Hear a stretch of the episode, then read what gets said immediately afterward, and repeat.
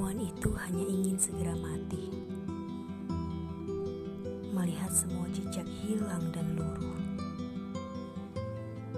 Daun-daun kering pasti bisa mengantarnya menemui maut atau menuntun ruhnya menyisir gelap. Bekas sepatu hak tinggi yang melukai tanah-tanah marginal saling berdoa biar kematiannya dipercepat. Susuk-susuk di tubuhnya mulai lepas. Tangan, leher, pipi, dan betis juga mengendur. Keriput. Matanya yang binal, kosong Mulutnya menganga seperti hendak memangsa serangga-serangga yang lalu lalang di sekujur tubuh. Tapi beberapa jarinya masih menuntun ballpoint bergerak membentuk huruf-huruf dan satu dua angka. Hampir tak terbaca.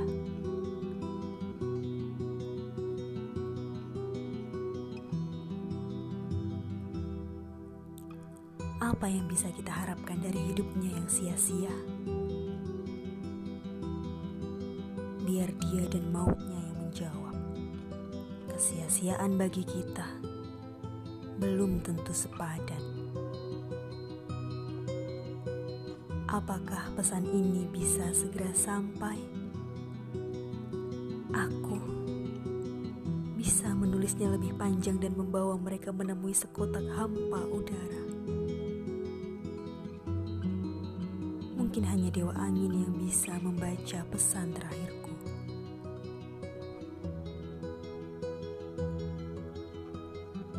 Perempuan itu bicara di usia yang masih seperempat abad. Tapi tak seorang pun bisa mendengar suara yang keluar dari bibir kemaluan. Seperti teriakan pesakitan orang-orang di ambang sakaratul maut dan budak-budak kenisbian yang ditunggangi segala bentuk keniscayaan. Tapi bibir itu benar-benar berteriak, mengoyak gendang telinga anjing-anjing perumahan yang masih terjaga.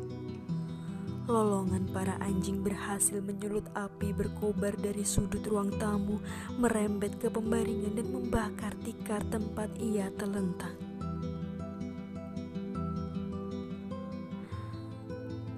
Beberapa gagak tua memekik dan sulur-sulur muda dari Taman Firdaus mulai merayapi kaki si perempuan sampai ke lutut lalu membungkam gundukan daging di selangkangan yang penuh borok itu.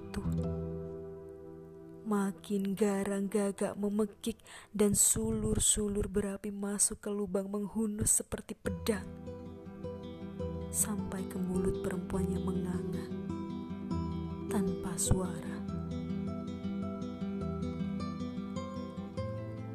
Rokis terhenyak. Ada kenikmatan yang sekelebat menyentak di antara dua paha. Masturbasi lagi kali ini lewat mimpi.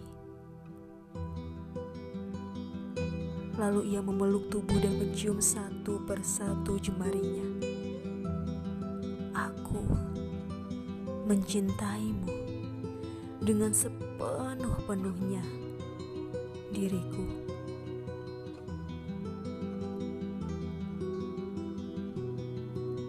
Dan pagi sudah menjadi racun bagi tubuh-tubuh yang gagal. Beberapa pertanyaan menggelayut, bahkan sebelum kelopak mata pertama terbuka. Tanpa ancang-ancang, pertanyaan-pertanyaan itu berbaris menunggu giliran bicara. Pertanyaan pertama mirip saripati anggur, lebih kental dan berlendir. Mungkin kadaluarsa.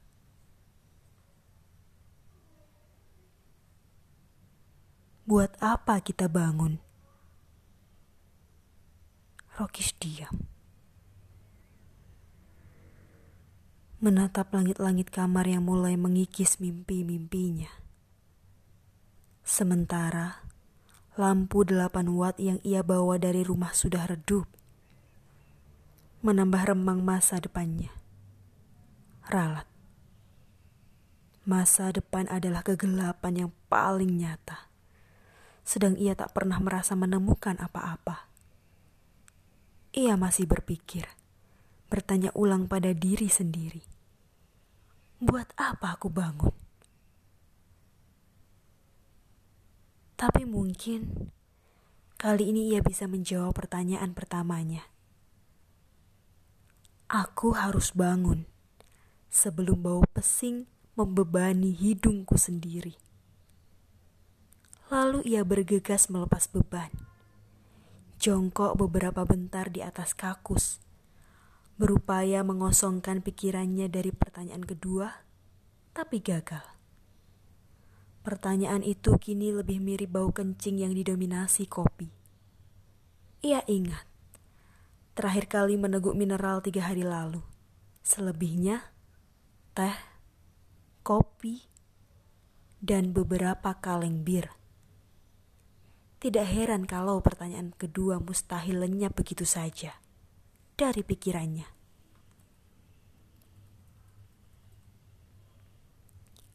Apa yang kita rasakan? Kita mendapati kematian demi kematian, lalu keluarga yang ditinggal memangku tangan, tapi ia tak bisa merasai apa-apa. Bagaimana seharusnya sedih atau iba dirasakan? Ia ingin menyesal. Sebab melulu mendoakan manusia bertemu dengan maut-mautnya. Tapi apa itu sesal? Sedang ia lega dan puas mendengar kabar kematian yang banyak dari orang-orang. Tapi bagaimana harusnya semua itu dirasakan? Aku tahu, aku tahu Aku merasa ingin berak saja. Dan ia masih jongkok, menyalakan sebatang kretek dan menghisapnya pelan. Mengikhlaskan tahi-tahinya berguguran. Lalu ia mulai lagi, ingin segera hilang dan luruh seperti berak, tak perlu berbekas. Mungkin bisa sekali bilas. Tapi tiba-tiba pertanyaan ketiga muncul seperti bayangan stiker sebentuk lelehan lencung ayam yang sempat ia jilat ketika merangkak. Dan ya, ia bangga menjadi bagian dari generasi bayi-bayi yang sok tahu itu.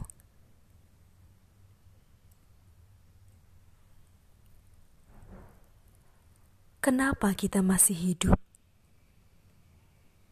Sedang empat atau lima butir obat tidur selalu ia konsumsi tiap-tiap malam.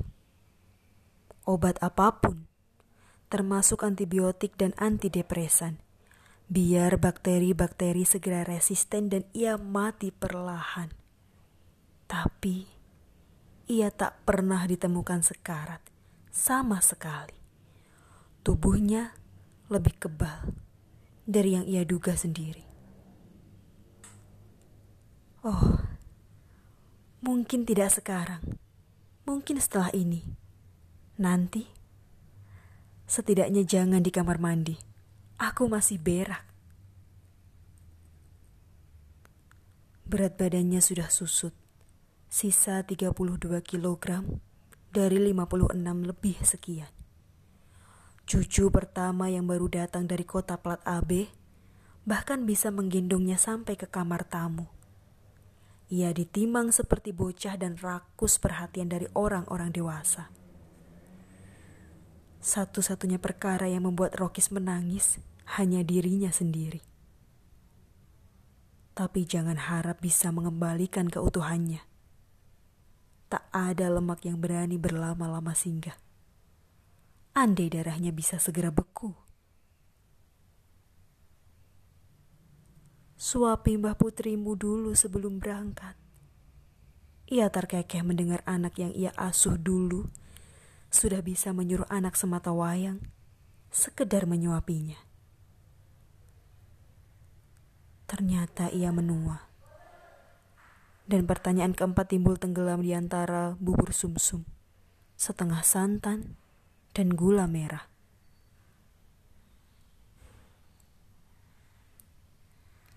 Sampai kapan? Sudah 20 tahun sejak ia didiagnosis melankolia. Termasuk manusia bisa bertahan cukup lama. Harusnya ia mati muda. Seperti cita-cita yang ia dengung dan upaya. Sayang, ia selalu gagal mengakhiri hidup. Gairah untuk mati kadang lenyap. Bukan berarti ingin merasai hidup lebih lama. Tapi tak lagi punya gairah merasai apa-apa.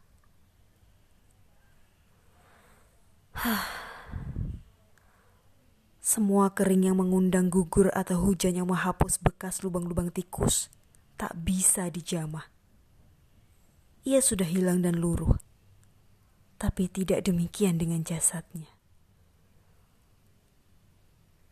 Sedang bibir kemaluan itu masih menjerit meminta pertanggungjawaban pada yang dulu ongas merisak perempuan di separuh abad usia. Kelopak tanpa bola mata yang miskin hanya bisa menganga, menunggu dewa angin mendesir di kedua daun telinganya. Dan ia tak bisa menjawab pertanyaan keempat sampai sepersekian jam sejak cairan terakhir mengembara melewati Lia. Ia mulai mengulang. Apakah pesan ini segera sampai?